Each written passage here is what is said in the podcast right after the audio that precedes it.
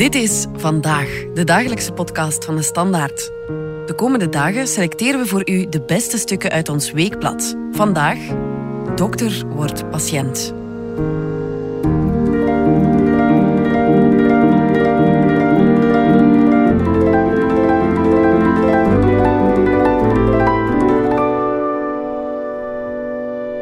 Ik ben Anne-Sophie de Keizer. Ik ben redactrice bij het Weekblad van de Standaard.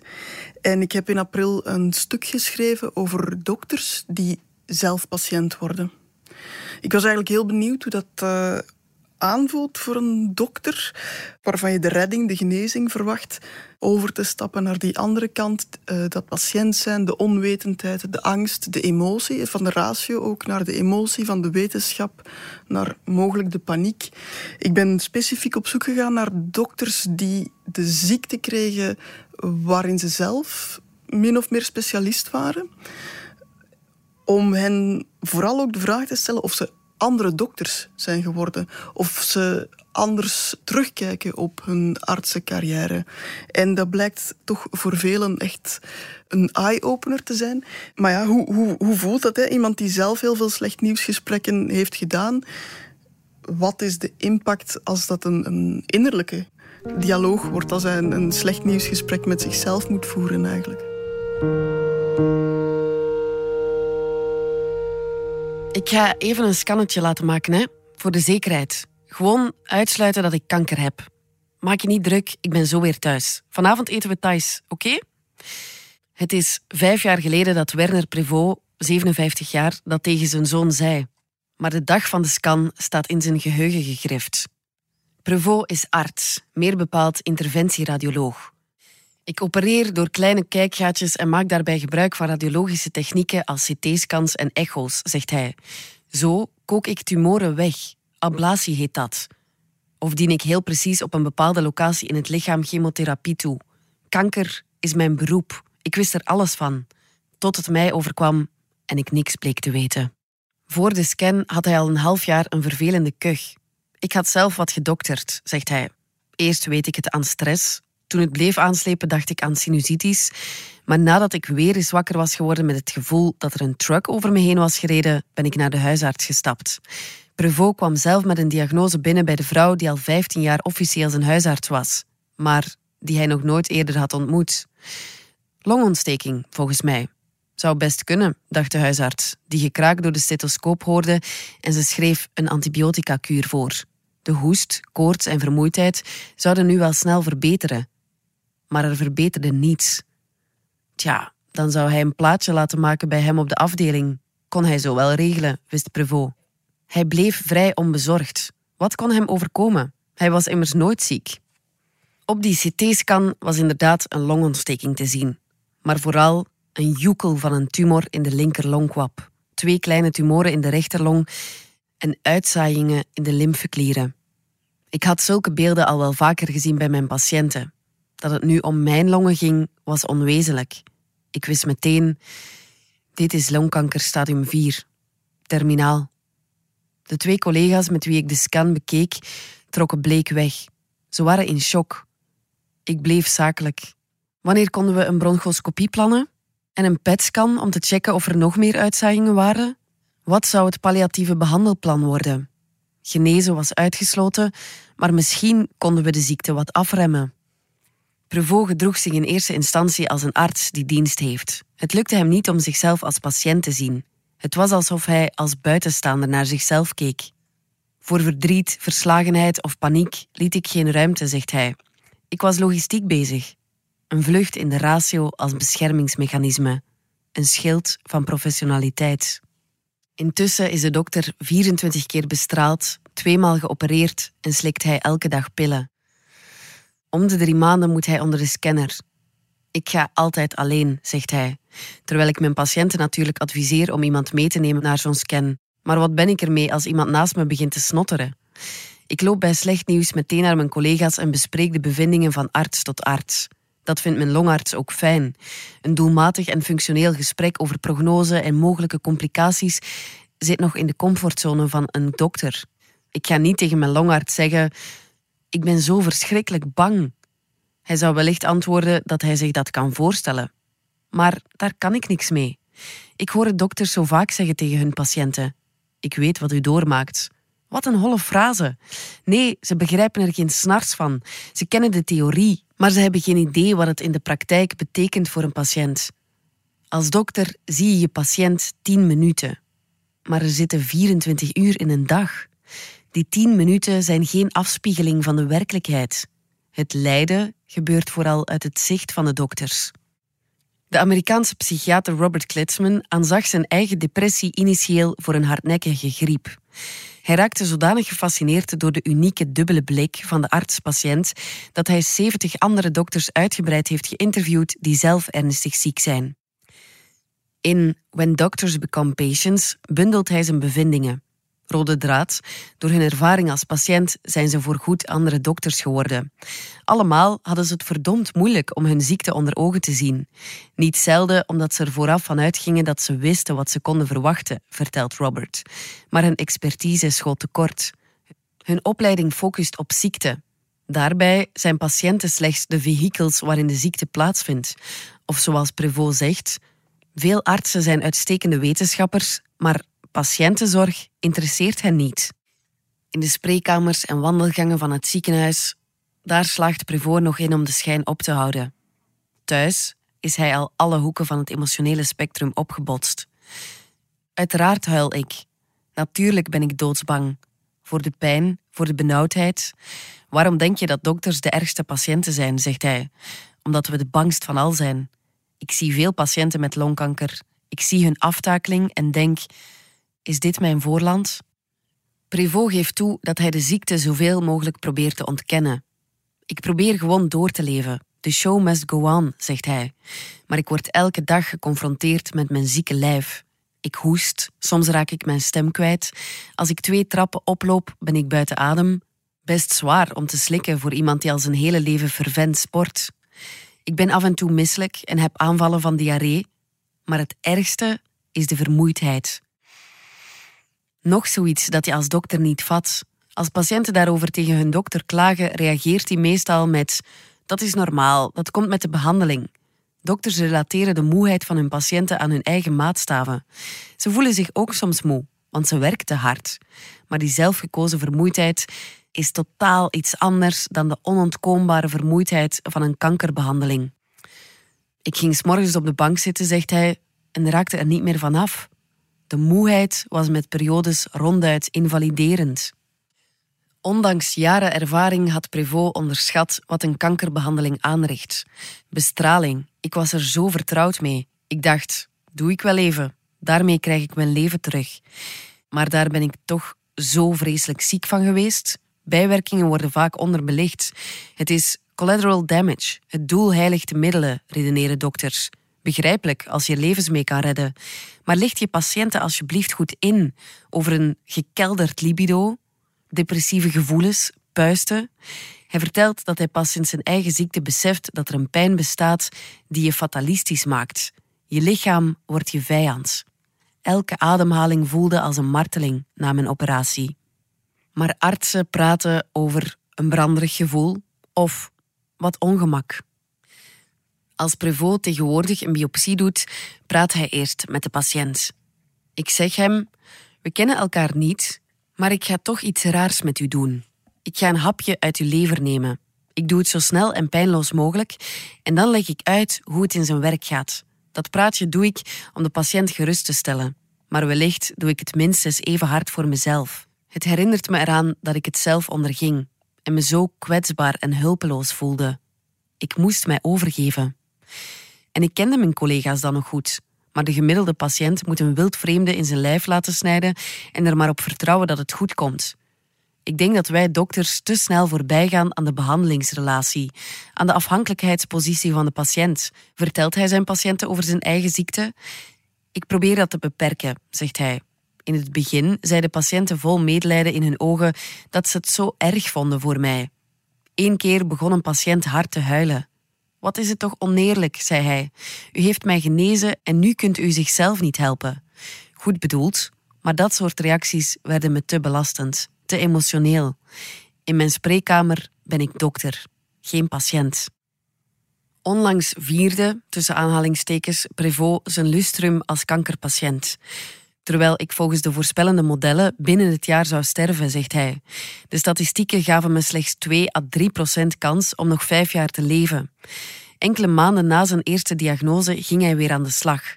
En ook na zijn operaties was hij snel weer op post. Het voelt nog steeds wat schizofreen om in zijn witte jas bij zijn eigen longarts vandaan te komen en meteen weer dokter te zijn in zijn eigen spreekkamer. Als in een stripverhaal, zegt hij.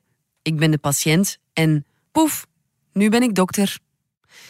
Waarom doet iemand zichzelf dat aan? Kanker hebben en dan ook nog voor je baan dag in dag uit door het ziekenhuis lopen. Ik ben dokter, zegt hij. Het is mijn identiteit. Als dokter heb ik zelfvertrouwen en autoriteit. Als dokter ben ik op mijn gemak met mezelf. Maar als patiënt, dan ben ik onzeker en bang. Dat cynische rollenspel is lastig te aanvaarden. Al leer ik het wel. Een stapje terugzetten, niet meer de consultant van mijn eigen behandelend arts spelen en meer patiënt zijn. Werner Prévost is intussen weg bij het Amsterdamse Antonie van Leeuwenhoek ziekenhuis, waar hij 19 jaar werkte. Hij heeft een tijdelijk contract bij ziekenhuis Amsteland, deeltijds. Hij zou graag meer werken, maar voor een 57-jarige dokter met kanker liggen de banen niet bepaald voor het rapen, zegt hij. Ook al heb ik best wat betekend in mijn vakgebied. En dat is hard. De medische wereld lijkt hem nu in de eerste plaats te zien als patiënt, dan pas als dokter, terwijl het voor hemzelf omgekeerd is. Er hangt een magische sfeer rond de witte doktersjas. Alsof het een superheldencape is die de drager immuun maakt voor virussen, bacteriën en vermenigvuldigende kankercellen. Dag in dag uit verslaan ze ziektes. Hoezo zouden artsen er zelf vatbaar voor zijn? Dokters blijken meesters in het ontkennen van hun eigen gezondheidsproblemen. Eric Boydens begon 13 jaar geleden met Doctors for Doctors. De VZW biedt hulp aan artsen die kampen met burn-out, verslaving, depressie en andere psychische problemen. Maar Boydens zegt dat er ook opmerkelijk veel somatische aandoeningen zijn bij artsen. Hij denkt onder meer aan diabetes en vergevorderde kankers. Het is algemeen bekend, zegt hij. De dokter is de laatste die hulp zoekt voor zichzelf.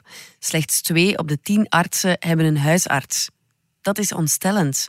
Een zogenaamd, tussen aanhalingstekens, echte arts gaat er prat op dat hij zelf zijn bloed prikt, zichzelf onderzoekt en zijn eigen medicijnen voorschrijft.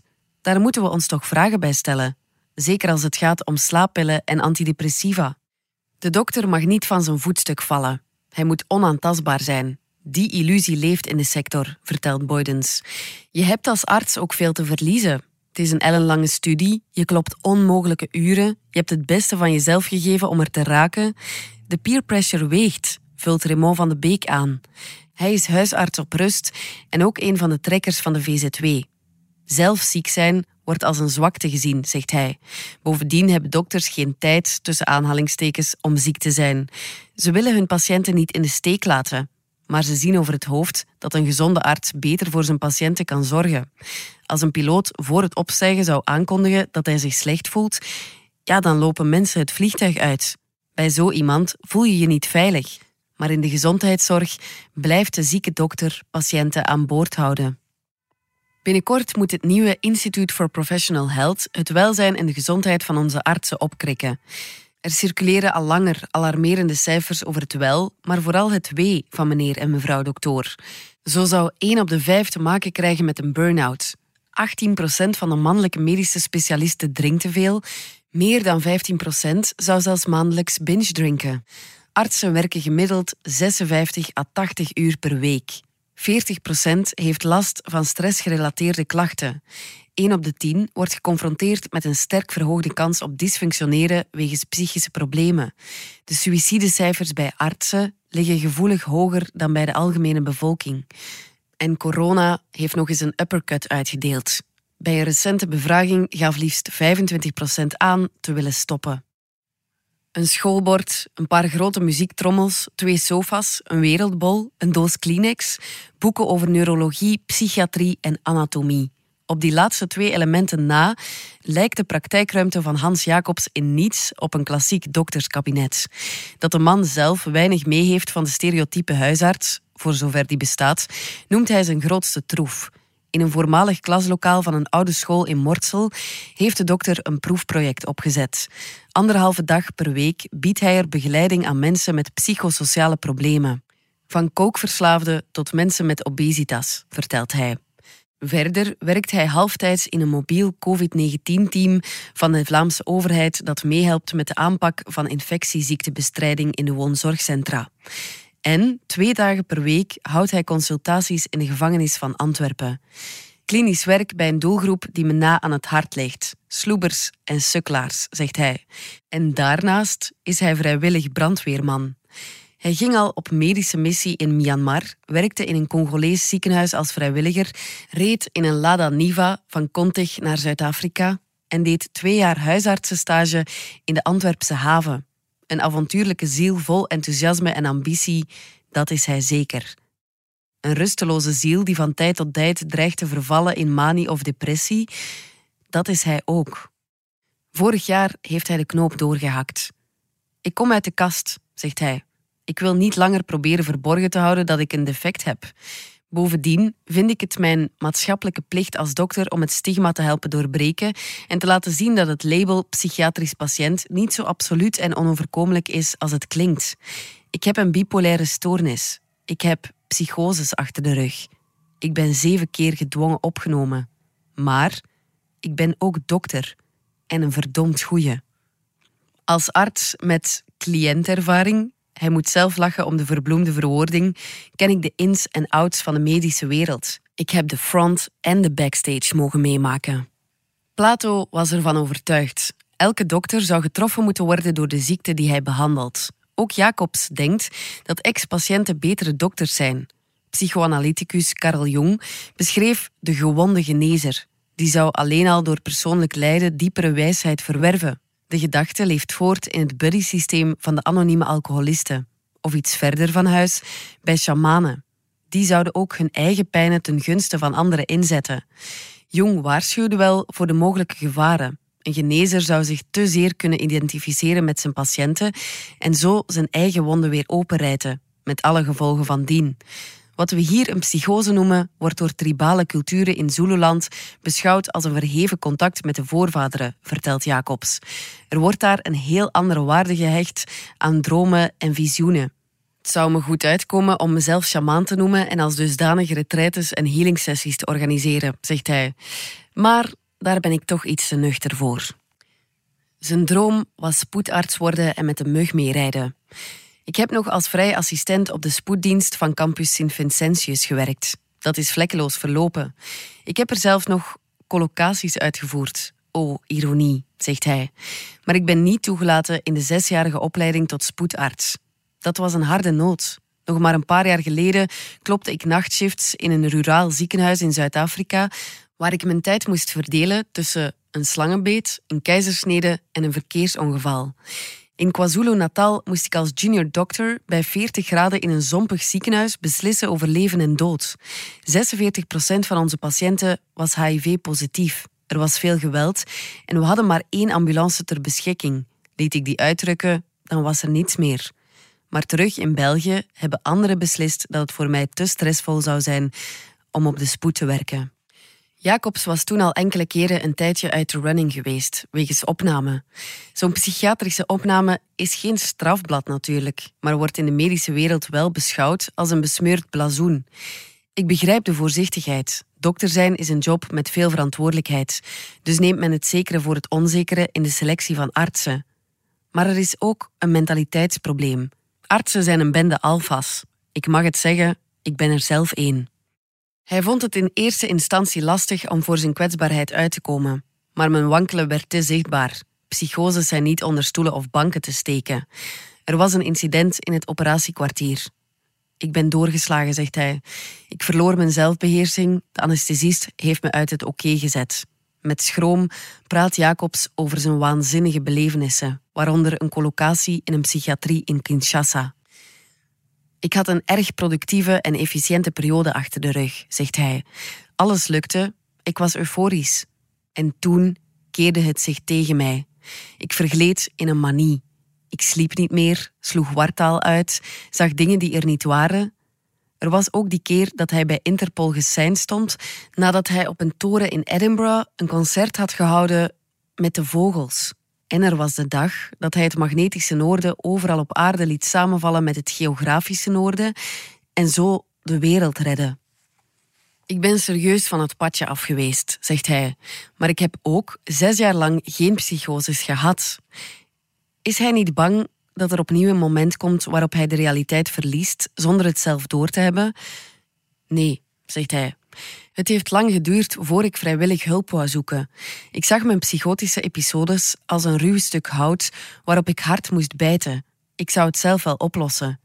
Nu ben ik gewapend. Ik ben in behandeling bij twee psychiaters. Ik neem medicatie, lithium, om mijn stemming te stabiliseren en het antipsychoticum Zyprexa. Ik drink geen alcohol, raak geen joint meer aan en ik let op mijn nachtrust. En er zijn mijn drie steunpilaren: mijn vrouw, mijn zus en een goede vriendin die verpleegster is. We hebben samen een early warning, early management systeem opgebouwd. Als zij signalen opmerken dat het de verkeerde kant op gaat, steken ze de vlag op en ondernemen we actie. Wat mijn geestelijke gezondheid betreft, hebben zij het laatste woord, niet ik. Ik weet dat mijn demonen me nog parten zullen spelen. Twee maanden geleden dreigde het nog de verkeerde kant op te gaan. Maar het lukt me steeds beter om snel weer grip te krijgen en zo'n episode zonder kleerscheuren door te komen. Maar hoe zal hij eventueel wantrouwen van zijn patiënten overwinnen? Tja, hoe doe je dat? zegt hij. Bewijzen dat je psychisch stabiel bent. Dat is nogal moeilijk. Maar ik boezem wel een ander soort vertrouwen in. Ik merk dat er heel wat mannen zijn die hun weg niet vinden naar de dokter of die hun tanden hebben stuk gebeten op het conventionele gezondheidsapparaat. Gasten die sukkelen met zichzelf, zoals ik er een was. Zoals ik er een ben. Ze wantrouwen de dokter in de Ivoren Toren. Ze struikelen over de hiërarchie. De manier waarop ik met hen omga, doet barrières wegvallen. Ik kies bewust voor een niet-klinische setting. Dat is me te onpersoonlijk. En ik heb iets te bieden dat niet te vinden is in de klassieke geneeskunde of hulpverlening. Ervaring. Ik kan mijn cliënten in de ogen kijken en vertellen: ik weet wat je meemaakt. Ik weet wat afzien is. Herkenning is een heel bruikbare tool. Wat gebeurt er wanneer een neuroloog een hersenbloeding krijgt? In 2016 werd de toen 62-jarige Udo Kiska overvallen door een plotse pijn in de rechterkant van zijn hoofd terwijl hij op het perron liep. Hij voelde zich zwak en ervoer een vreemde sensatie in zijn linkerarm en been, maar kon nog aan boord springen. Eender wie zou hij de raad hebben gegeven: bel een ambulance. Zelf ging hij gewoon huiswaarts. Daar praatte hij nog even met zijn vrouw, ging achter de computer zitten en begon verslagen te schrijven. Zijn vrouw vond hem de volgende ochtend op de grond. Uren had hij tevergeefs geprobeerd om hulp te roepen en recht te staan. Een CT-scan toonde een grote hersenbloeding in zijn rechter hersenhelft. Zo groot dat de kans op overleven kleiner was dan 50 procent, besefte Kishka meteen. Zo helder was hij nog. Maar dat vertelde hij niet aan zijn vrouw en kinderen. Professor Kishka was dé specialist hersenbloedingen in Oxford. Zijn vrouw Helen Kennerly is klinisch psychologe. Hij wijde zijn leven aan mensen helpen te herstellen na een beroerte. Zij aan mensen begeleiden in het overwinnen van psychologische crisis. Als één koppel kon weten wat de revalidatie na een hersenbloeding inhoudt, waren zij het wel. Toch zeggen ze dat ze slecht voorbereid waren op wat hen te wachten stond. De linkerzijde van Kishka's lichaam was tijdelijk volkomen verlamd.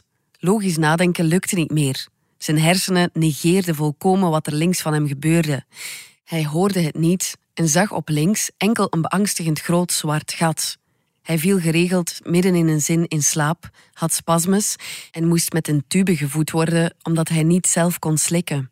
Allemaal symptomen die hij uit de boeken kende en bij zijn patiënten had gezien. Toch was hij gechoqueerd.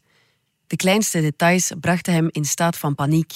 Het is beangstigend om naar je eigen verlamde arm te kijken. Verlamd dekt de lading niet. Het was alsof mijn linkerkant niet langer van mij was, alsof het iemands afgestorven lichaamsdelen waren. Ik was zelfs even bang dat het zou gaan rotten, zegt hij.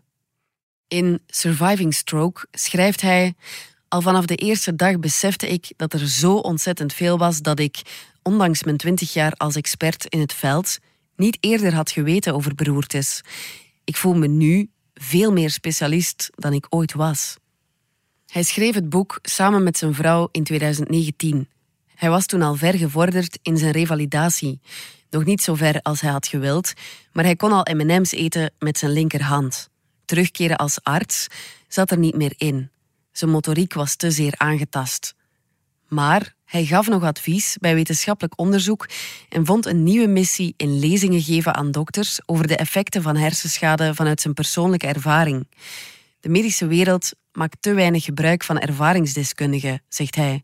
We zouden betrokken moeten worden bij opleidingen en structurele beslissingen over dienstverlening en behandeling. De vraag of we kunnen bellen om te praten over wat hij artsen aanraadt om anders te doen, stuit op aarzeling. Zijn vrouw laat weten dat hij in januari vorig jaar een tweede hersenbloeding kreeg. Kleiner dan de eerste, vertelt ze, maar psychologisch heel zwaar, want zijn taalvermogen is aangetast. Een conversatie houden is moeilijk. Hij is er de laatste tijd slecht aan toe. Hij is gelaten en vecht niet meer zo hard als vroeger. Kishka is te vermoeid voor een interview, maar ik mag de vragen op mail zetten. Hij zal in zijn tempo antwoorden aan zijn vrouw, die zijn antwoorden zal intikken. Hoe het nu met hem gaat. Zijn revalidatie is enorm vertraagd nu hij ontslagen is uit het ziekenhuis, vertelt zijn vrouw. Hij kan nog altijd maar een paar stappen zetten en zonder hulpmiddelen raakt hij niet vooruit. Hij had gehoopt op meer beterschap, al wist hij als geen ander dat dit onwaarschijnlijk was. Het blijkt heel moeilijk om je verwachtingen te temperen. De fysieke hulpeloosheid ervaart hij als ondraaglijk. Het is vernederend, zegt hij. Het knaagt aan mijn zelfbeeld en levenskwaliteit. Het mag niet verwonderen dat artsen zo gedesoriënteerd raken als ze uit hun doktersjas worden getrokken en in een operatiehemd gewurmd. Het contrast is enorm. De ene dag krijgen ze de status van haast alwetende redder, de volgende dag liggen ze weerloos en bang in bed en moeten ze zich laten verzorgen, wassen en een katheter in een plasbuis laten steken door hun collega's. Een behoorlijke drempel. Kishka had het personeel dat hem verpleegde nog zelf opgeleid. Ze spraken hem aan met professor, waren heel discreet en probeerden gênante situaties te ontmijnen met humor. Die tekenen van respect heeft hij enorm geapprecieerd, zegt zijn vrouw.